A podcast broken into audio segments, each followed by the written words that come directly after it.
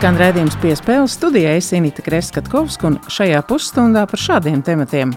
Iepazīsim Latvijas sieviešu basketbola izlasi 3x3, kas izcīnīja bronzu Eiropas kausa izcīņā un cer kvalificēties arī Tokijas Olimpiskajām spēlēm. Skaidrosim, kāda ir mūsu jauno dambretistu panākuma atslēga izcīnot pasaules jaunatnes čempionātā 11 medaļas. Sezonas noslēgums Baltijas autošosejas čempionātā tieši pēc nedēļas, un raidījuma viesis būs Artūrs Batraks, kas čempionātā pro klasē uzstādīja jaunu trases rekordu biķerniekos.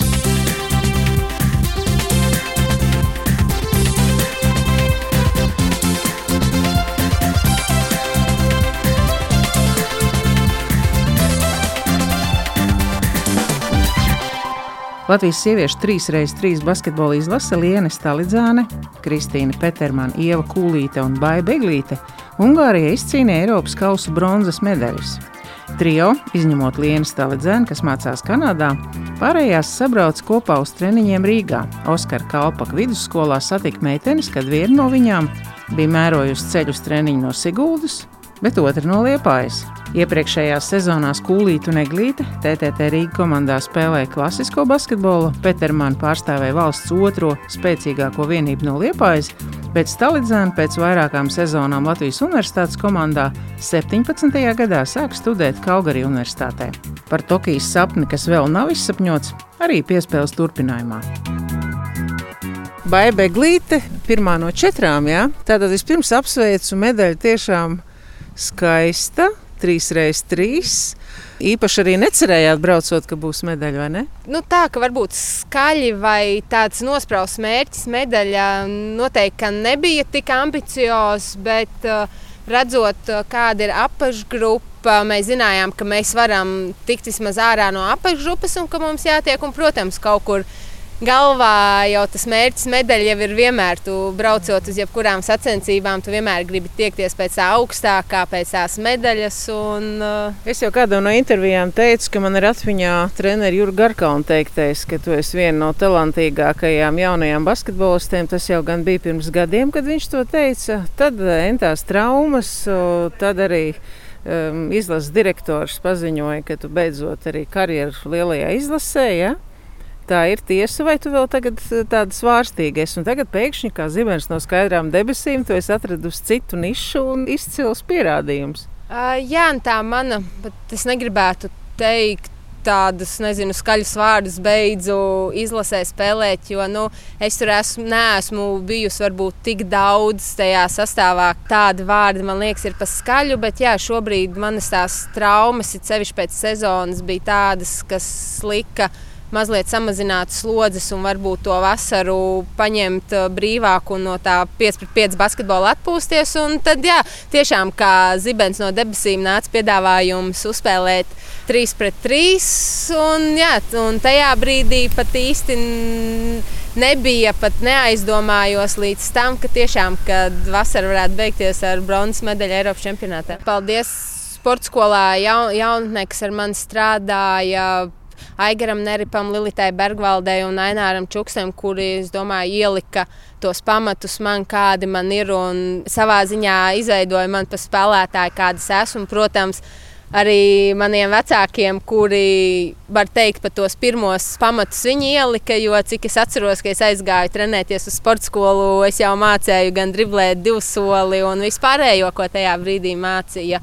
Un, protams, pēc šīs bronzas medaļas mēs redzam, ka mēs varam kaut ko sasniegt Eiropā. Mums visām ir tā sajūta, ka tiešām nopietni tam pieejot, mēs arī varam kaut ko lielāku izcīnīt tālāk. Paldies, lai izdodas sapņus piepildīt. Paldies! Liels. Ieva Kulīte apsveicu ar šo medaļu. Un... Paldies par apsveikumiem pirmkārt.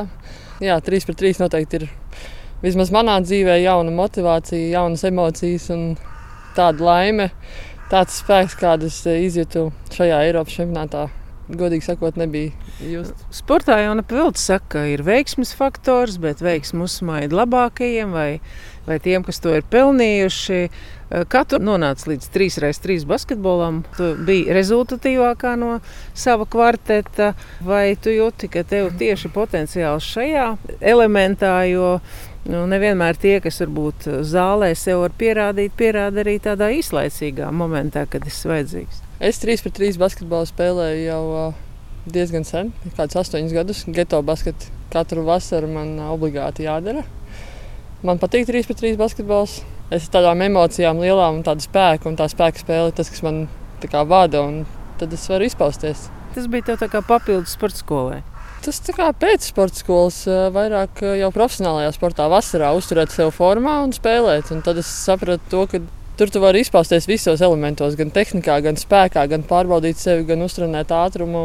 Kas ir tie treneri, kas varbūt deva tev šo nu, ticību, ka baskets ir tas, kas dod ne tikai emocionālo baudu, bet arī varbūt kādu lieku eiro maciņā? Kolibrī un tad tālāk Vēncpils spars to lielāko jau iegūst tajā reālajā basketbolā, lielajā pēc tam sporta skolām. Un tad saproti, kad es spēlēju Spānijā, tur man ielika tādu reālu fizisko. Un tad, kad es spēlēju Vācijā, tur jau bija spēka spēle, un tas viss apvienojās. Tad, uh, Vai tu jūti sevi kā tādu uh, līderi šajā kvartetā, ja tā drīkst teikt, nu, šī kaut vai šī rezultātīvā spēle, vai jums ir sadalīti arī pienākumi? Tas, kas var iemest, nu, visiem ir jāprot iemest, un visi arī droši vien var iemest. Uh, kā jūs spējat varbūt uh, norēģēt atkarībā no situācijas, vai ir šie pienākumi gan sadzīvē, gan uz laukumu? Nu, šeit nav tā izteikti, ka te būtu kapteinis, kas visu nosaka. Bet es cenšos uzņemties tādu līderu lomu, cenšos kā, savākt, pateikt meitenēm, kur jābūt, kā jābūt. Jo viņas vairāk spēlējuši 5 pret 5 basketbolu un bieži nepamanā tās ātrās izspēles. Tad es cenšos uz laukuma tieši ātri izbļaut. Tur tas eh, dod piespēli vai ej, un tad uh, atrodam tās vietas. Nu, treniņā jau atstrādājam, kur kam jāmet vairāk, atrodam, kuram stiprāka puse, kas vairāk zem groza jāpieiet profesionāli, jo mēs šobrīd spēlējam par tām olimpiskām spēlēm. Par to kvalifikāciju darīsim visu, lai tiktu. Nu, mēs Olimpiskās vienības kaut kādas atbalsta? Tas uh, pēc jaunā gada tas būs. Pagaidām mums jākrāt tie punkti, ir, cik vien var līdz novembrim. Mums ir jābūt Eiropas desmitniekā, lai tiktu uz kvalifikāciju. Mēs šeit Latvijā taisīsim turnīrus. Mēs mēģināsim iesaistīt visas meitenes, ko vien varam iesaistīt, lai viņas mums palīdz. Kā visa Latvija kopā, un tad uh, cenšamies tikt uz kvalifikāciju. Tik veiksmi, paldies par sarunu! Paldies! Tagad saruna ar Kristīnu Petermani. Kā jau mēs pirms sarunas aprunājāmies, kā liepainieki ir alaži bijuši gan Latvijas izlasēs, gan uh, nacionāli patriotiski, gan basketbols, nu, sitis augstu vilni jau entos gadus, entajās paudzēs. Varbūt vispirms par tiem treneriem, kas uh, tev ir devuši to ieguldījumu, kurus tu gribētu izcelt. Liepājas sporta skola joprojām ir. Jā, sveiki. Tātad pirmā trenera man ir Valdija Rēviča kas pavadīja visus sporta skolas uh, gadus. Uh, tad pievienojos, tad, kad lielai komandai pēc 9. klases, tad man bija uh, treneris Līvija Alplūka. Paspēlēju arī vienu gadu pie Aivara Vīnberga, Armāns Misus un tagad Liepājas klubā Kaspars Mājnieks. Kā tu nonāci varbūt, līdz tai domai, ka tas 3x3 tas ir mans basketbols un, un tās mhm. pozīcijas ir tās, kur tu vari dot to ar tevi? Es īstenībā neesmu varbūt tik profesionāli paspēlējusi. Es esmu tepat pa Latviju.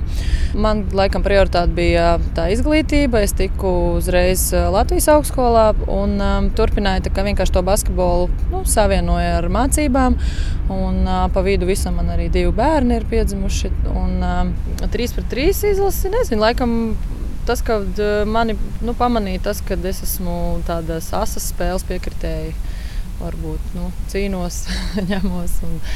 Jā, tā droši vien atbild uz jautājumu, ar ko 3x3 eh, spēlētājs ir īpašs vai ar ko viņam vajadzētu būt īpašam salīdzinot ar tādu komandas spēli, kur var kāds mm -hmm. atnākt un tev nomainīt. Tev ir jāpieņem lēmums tagad, tev ir tā bumba jāpārķer tieši šajā mirklī, mm -hmm. un tu nedrīkst neko tur vēl filozofēt un štukot varbūt mazliet vēlāk. Tieši tā, nu es vienmēr uzsveru, kas man pašai palīdz, ir laba fiziskā sagatavotība šajā sporta veidā, jo, ja tā nebūs, tad arī tie lēmumi tiks pieņemti pilnīgi nu, aplami. Protams, arī nu, šeit spēlētāji nogurst un uz tām beigām jau var redzēt, nu, kur, kur ir tas lūzuma punkts. Tad, tad tā fiziskā sagatavotība, noteikti psiholoģiskā arī, cik tu spēj izturēt to augsto intensitāti. Jo nu, klasiskajā basketbolā to arī pasēdi reizēm, nezinu, pusspēli var nosēdēt un pēc tam uziet laukumā. Arī tas nav viegli, protams. Un šeit brīžiem ir tā, ka cīnās par to maiņu, ja godīgi. Nu, pieņemsim, ja ir tie 30 grādi un ir grūti. Vai tās ir tās mūsu vēsturiskās tradīcijas, vai tomēr eh, jūs esat atraduši citu citu? Katra vajadzīgajā pozīcijā ar pareizajiem raksturiem un ar spēju pieņemt pareizo lēmumu. Jā, noteikti. Es domāju, ka šis sastāvs ir ļoti labs.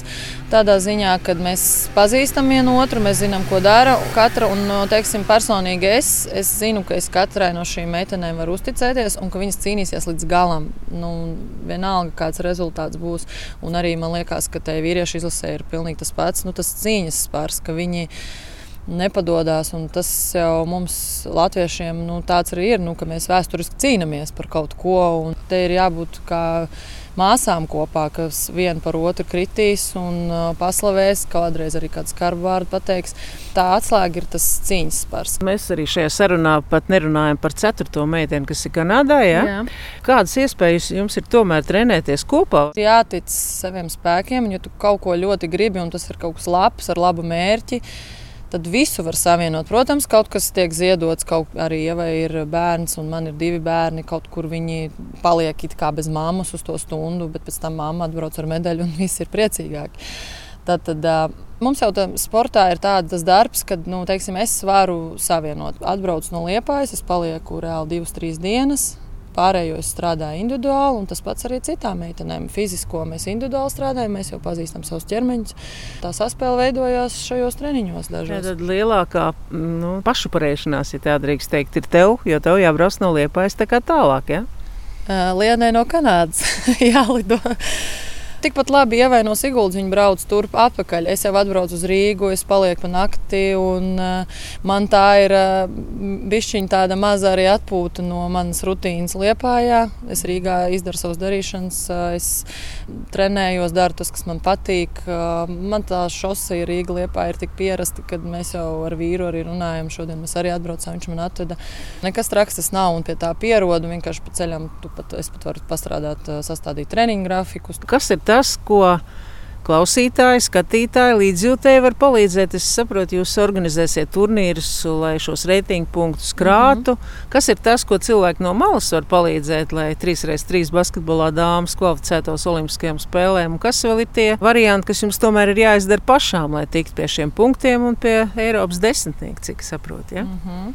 Mums ir jā, jāspēlē turnīri, un noteikti viss, kas ir saistīts ar basketbolu, tajos ir jāpiedalās. Kaut vai eh, liekas, ka kā mēs tur varbūt nespēlējām jau sen, bet īstenībā tas 3-3 ir tik nu, attraktīvs sporta veids. Nu, vienkārši ir jāpiedalās un jāatbalsta tas. Un arī jānāk atbalstīt tie turnīri, tie, kas cilvēki no malas, vecāki, bērni. Jo vairāk turnīru mēs savā valstī uztaisīsim, jo uzreiz mums būs vairāk reitingu punkti, kas ceļ mums to Latvijas vērtību uzreiz augstāk, un mēs tiekam tālāk. Radio klausītāji, kas var, lai piedalās un spēlē, un tā mēs visi būsim procesā.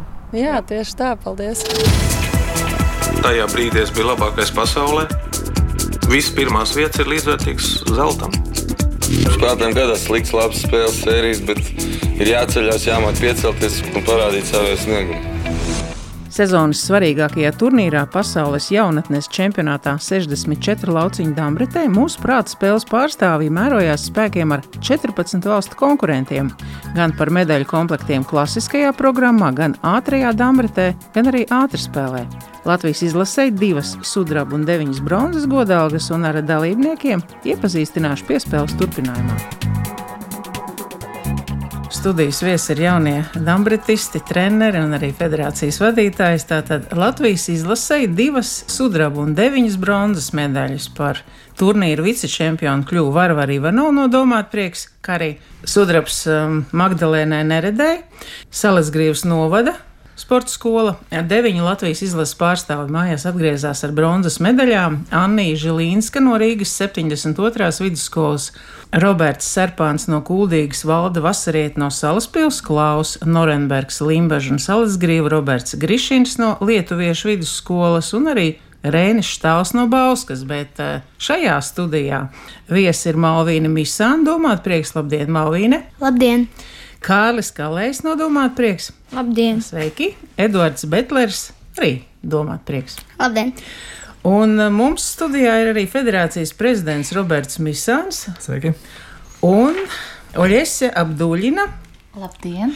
Aļes, es jūs gribētu pieteikt, kā domāt priekš treneri, un droši vien, ka vēsturiski ir mazliet arī jāinformē radio klausītāji, ka jūs esat dzimusi Krievijas Baškortostānas, tagad esat Latvijas dambretisti, arī starptautiskā meistara, un 2009. gads Berlīna bronzas medaļa starptautiskajā dambretas pasaules ātrspēles čempionātā sievietēm. 9. gads Krievijas čempione, Vēl pirms gada pasaules čempiona jauniešiem Pekinā, četrkārt Eiropas čempiona meitenēm.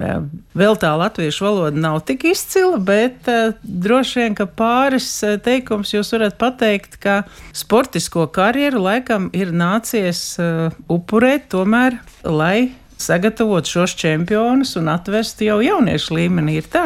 Tā nav. Spēlēt vēl pat, ja tādā līmenī. Ne, es vairāk nespēlēju, tāpēc es, es izvēlēju, ka es gribu būt mammai. Uh mhm. -huh. Un tāpēc es sēžu nu, mājās. mājās, jā, un pēc tam, kad piedzima otrā meitene, un viņa bija divi gadi, es sapratu, ka vairāk negribu sēdēt mājās, bet spēlēt arī negribu. Tad mēs atveram Dambrita uh, skolu. Tad, tad uh, paskaidrosim, ka domāt prieks jūs esat treneri visiem šiem čempioniem, ja, un, un arī sieva uh, federācijas prezidentam. Robert, ir tā? Tieši tā, jā. tad sāksim, Robert, ar jums. Droši vien, ka ir gandarījums gan atgriežoties ar tik daudz medaļām, gan arī droši vien iepazīstinot ar mūsu šīs dienas raidījumu viesiem. Dambrets popularitāte arī reģionos, un ir, jāatrod šādu veidu treneri, kas to dara. Un, nepavēlti jau saka, ka Dambrit arī viens no tiem prāta asināšanas veidiem, un tas dzīvē nodara arī pēc Dambrits profesionālās spēles. Viennozīmīgi, jā. Es domāju, ka tāpat kā daudzās citās lietās, tie, kas nodarbojas ar vienu lietu, pēc tam turās kopā. Un līdzīgi arī ar damartistiem. Nu, ka visi, kas mēs esam izauguši, mēs zinām, ko šis prāts sporta veids mums ir devis. Tāpēc mēs arī turamies kopā un viens otru atbilstam arī biznesā un ikdienas dzīvē. Un šis eh, turnīrs bija pateicība par paveikto darbu, ko mēs esam veikuši pēdējos eh, divus gadus, ieguldot gan savu laiku, gan līdzekļus, veltot gan mūsu namres kolēģi, kas ir domāti, gan kopā federācijai. Un redzam, ka pēc diviem gadiem mēs spējam jau sasniegt ļoti, ļoti augstu rezultātu un izcīnīt jau 11 medaļas, kas pirms diviem gadiem ne tuvu mēs nebijām tādam skaitam pasaules čempionātā. Mērķi noteikti ir augsti, un eh, īpaši mūsu ģimenē tā ir pieņemts, ka mēs eh, nekur nepiedalāmies eh, latviešiem mīļajā teicienā, ka galvenais ir piedalīties. Mēs piedalāmies tikai tāpēc, lai pilnveidotu sevi un sasniegtu augstus sasniegumus. Tāpēc arī mūsu audzēkņi zina, cik prasīgi ir attiecīgais es, kad mērķi vienmēr būs un paliks augsti. Tagad dosim vārdu pašiem bronzas laureātiem. Tātad iepazīstiniet ar sevi. Mani sauc Malvīne. Es mācos Rīgas teikas vidusskolā. Damatēs mācos divus ar pusi gadu. Un jau bronzas pasaulē. Jā. Kāds bija sajūta, vai tev bija daudz pretinieces, kā tu tiki galā, un vai nervozēji? Ko tu tajā rītā dari, kad tev ir sacīksts? Kad man bija sacīksts, es uztraucos, ka es spēlēšu kā kāds stiprs, bet vajadzēja vienkārši nomierināties un tad viss spēlēt vienkārši. Mani sauc Kārlis. Mm -hmm. Es mācos Rīgas Hannes vidusskolā. Man vienkārši teica, gribēja, nu, lai, kā, lai es labāk domāju, nu, un man jāizdod pirmie treniņi, man labi sanāca. Tātad tu domā tagad daudz labāk nekā pirms pirmā treniņa. Kā tev gāja pasaules čempionātā? Diezgan grūti, pretinieki arī vāji. Bet tu nervozēji, kā tu noskaņo sevi, mm. vai tu skrien rītrosmas no rīta, vai tu vingro, vai tu vienkārši koncentrējies. Nē, mēs skrējām rītrosmas. Mm -hmm. Man sauc Edvards, es arī mācos Rīgas teiks vidusskolā. Mm -hmm. Un es sāku iet dambertē, jo pie manis atnāca uz manu klasi mani treneri. Man patika, man bija jāspēlē klases biedriem. Es aizgāju uz pirmo treniņu, man sanāca labi, un tā arī sāku trenēties. Robert, kā ir, vai jums tiešām ir arī um, iespēja ejot uz skolām, atlasīt un just, kur, no kura bērna var iznākt dambritists, vai jūs vienkārši spējat ieinteresēt, un, un bērni jau parasti grib darīt visu, ja aicina, viņi droši vien saka, jā, es iešu. Patiesībā Dāmritis to pamanīt ir diezgan viegli. No, no pirmajiem turnīriem un no tā, kā viņš uzvedās pie galdiņa, kāda ir viņa attieksme, uzreiz var atpazīt, vai no šī cilvēka sanāks Dāmritis vai nesanāks. Jau tādā vecumā. Principā, jā, jo nu, retiem izņēmumiem var kaut kas sanākt, ja kad ilgstoši strādā, nekas īpaši nav un pēkšņi, pēkšņi izšauja. Bet tādi gadījumi ir man, man personīgi ļoti reti. Un, protams, ka mēs ļoti vēlētos, ka mēs varam apstaigāt visas skolas un atlasīt šos talantīgākos, bet nu, laika ir obžēdēs vienkārši fiziski nav iespējams. Rīgas teikas vidusskola bija tāds neliels eksperiments no mūsu puses, jo Dambrits skola atrodas blakus, kā arī mūsu meitas tur mācās un kopā ar skolas direktoru un klases audzinātājiem Pirms diviem gadiem izveidojām šādu mazo saucamu akciju. Pirmajās, ceturtajās klasēs eh, turnīrs, kur arī pēc tam daži bērni atnāca pie mums un šobrīd uzrāda ļoti labs rezultāts. Droši vien, tā arī nebija nejaušība, ka šogad Rīga Open starptautiskajā un Dambrets turnīrā mēs redzējām tik daudz valstu dalībniekus un ieskaitot bērnus. Mēs gribējām radīt produktu un parādīt, ka Dāmbrīte kaut, ko, kaut ko ir vērta. Radot šādus turnīrus, sasniedzot ļoti augstu rezultātu pasaules Eiropas līmenī. Tā kā es domāju, drīz arī valdības līnija var sagaidīt mūsu vēstules un zvanus, kad uh, dažādiem projektiem, gan skolās, gan arī atbalstīt vairāk tieši dalības ziņā, jo šobrīd ļoti liela līdzekļi tiek tērēti no vecāku makiem. Kur jūs glabājat balvas, vai jums ir kāds atsevišķs plauktiņš, vai jums ir kāda mīļākā balva, un kāda vispār jums ir mērķa? Es turu savus kaustu kā uz viena plaukta. Drīz salūzīs tas plaukts. Vai kāds mīļāks vai vērtīgāks? Nu, vērtīgākais priekš manīm ir eh, pasaules čempionātā trešā vieta. Man arī kausa stāv plauktā, visaugstākajā plauktā. Dažreiz mēs dabūjam kaut kādas lietiņas, kuras var izmantot kā spēles vai kaut kas tāds. Es to izmantoju ar māsu, kā spēlēties. Atmiņā tas būs visu laiku.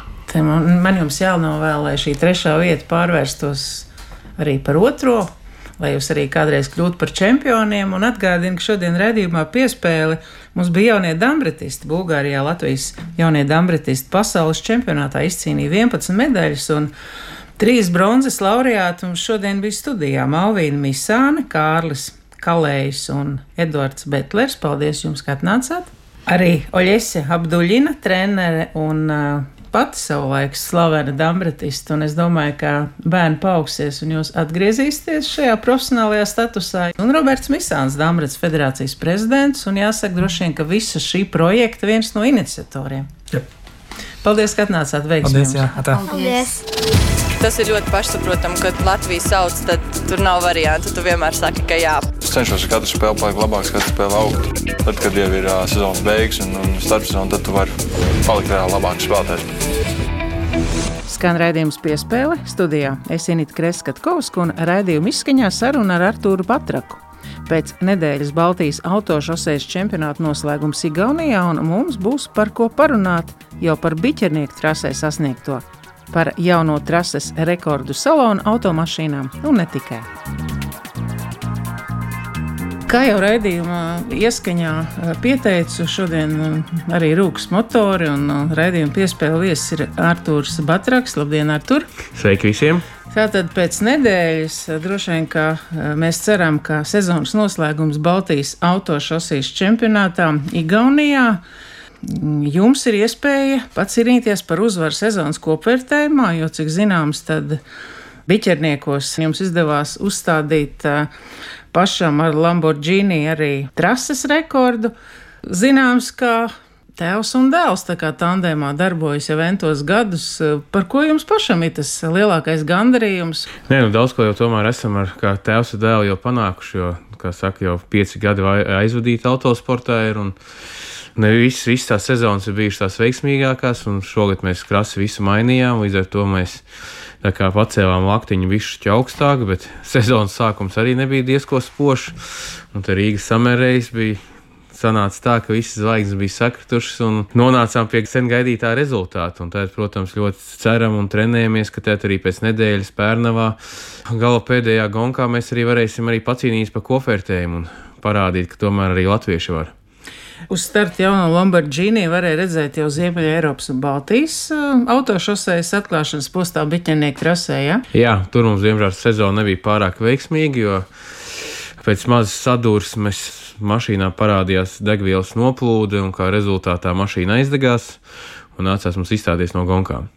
Otrā sacensības, kas mums bija atkal Somijā, 5 minūtes pirms beigām, ka bijām pirmie, bet 5 minūtes pirms beigām motors izbeidzās un atkal nebija finiša. Un tad šeit trešās gongas Rīgas samērējas viss sakrita un tikām pie gaidītā rezultāta. Vai eh, pēc nedēļas, lai sasniegtu šo iecerēto mērķi, pietiek ar veiksmes faktoru, jo ar tehniku jau nekad neko nevar zināt, vai ir arī nu, izšķirošie momenti, piemēram, svarīgs, ka tādā brīdī, kad lietuvietis Ramons Čapkausks pēdējā apļa laikā viņam beidzās degviela, jāstarp citas arī tāds interesants fakts, kā jūs varētu to nokomentēt. Nu, teiksim, tā, mums pašiem arī bijuši gan arī tikpat smieklīgas situācijas ar to degvielu. Tāpēc īstenībā mēs veicam smalkas kalkulācijas, vai to visu rezultāts būtu tā kā vēlās, tad īstenībā ļoti daudz jābūt testiem.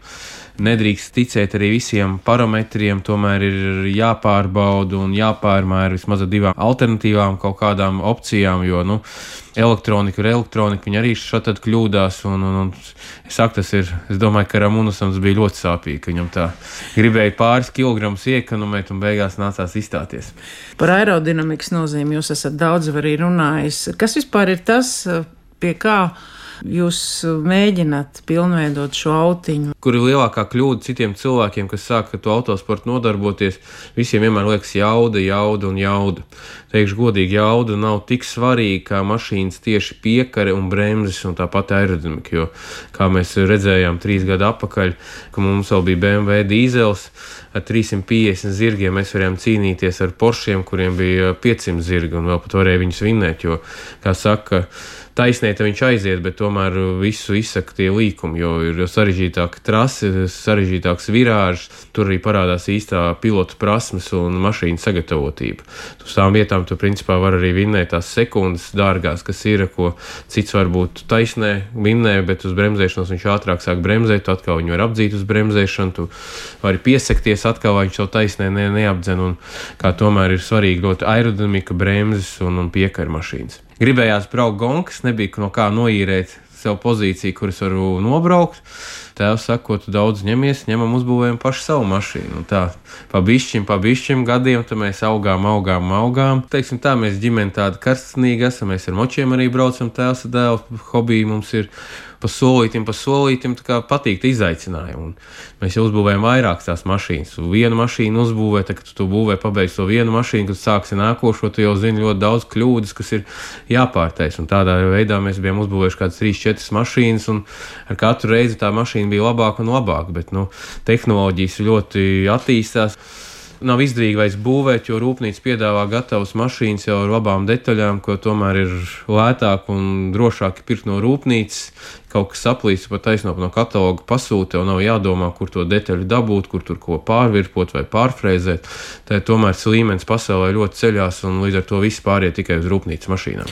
Jums ir kāds labs sponsors, vai jūs trīs mašīnas uztaisat, pārdodat, lai tiktu pie vienas? Nu, principā mums sponsors nav, mēs paši sev esam sponsori, un tad jā, mēs kaut cik kaut ko uztaisām. Tā arī bija. Tas tieši tāpat arī par Lamborghini gāja runa. Kad, nu, kad laikam jāpārdod visas mūsu pārējās mašīnas, lai beidzot varētu nopirkt vienu normālu mašīnu un cīnīties tomēr par tituliem. Kā kādiem. jūs viņu sargājat un glabājat, es cik atslēgām? Nu, visu laiku auklējamies, ņemamies, tomēr viņa ir itāļu mašīna, viņa ļoti jūtīga un principā kā gonka beidzās, tā uzreiz jaucam viņu ārā, visu pārbaudam, pārbaudam, vai nav kaut kādi tur defekti parādījušies un apkopis taisam. Un nav tā, ka nobrauc gonku, noliec un pēc tam pēc mēneša atkal izvelc ārā. Tomēr tev jāsako līdzi. Šogad mūsu komanda ir spēcīgākā no visiem gadiem, kā mums bija.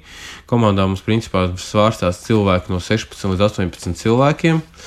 Jo tomēr ir katram savs darbs jādara, tur riepas, uzpilde, tur pie ugunsdzēsumiem aparātiem.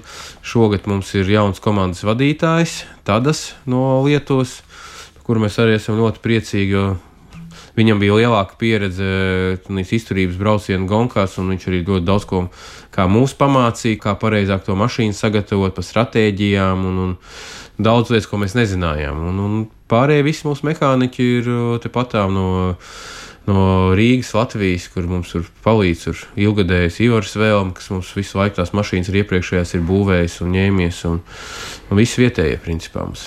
Jā, tur rīkšķis par kopvērtējumu līderu statusu saglabāšanu. Ja? Kādas jums ir tās zemapziņas nojautas? Un... Maskas atkarīgs no mums, jo tomēr tas ir tehniskais autosports. Tomēr daļa arī ir veiksmīga. Tiesneši nevar notiesāt. Tiesneši pa labu latviešiem nekad nav tiesājuši. Tur ir tā problēma. Bet, nu, principā, jā, nu, mēs gatavojamies nākošais nedēļa jau braukt nedēļas vidū jau uz Pērnam un aizvadīt divu, trīs dienu testus, lai sagatavotu mašīnu regulējumiem un cerēt, ka viss izdosies un visi būsim pieraduši pie mašīnas un jaunās trases. Cerams, ka viss izdosies. Cerams, ka viss izdosies uz šīs pozitīvās nots. Es arī saku paldies Arturam Batrakam. Tātad sezonas noslēgums Baltijas autošoseis čempionātā 21. un 22. septembris trasē Igaunijā. Lai atgriežaties ar uzvaru! Un paldies!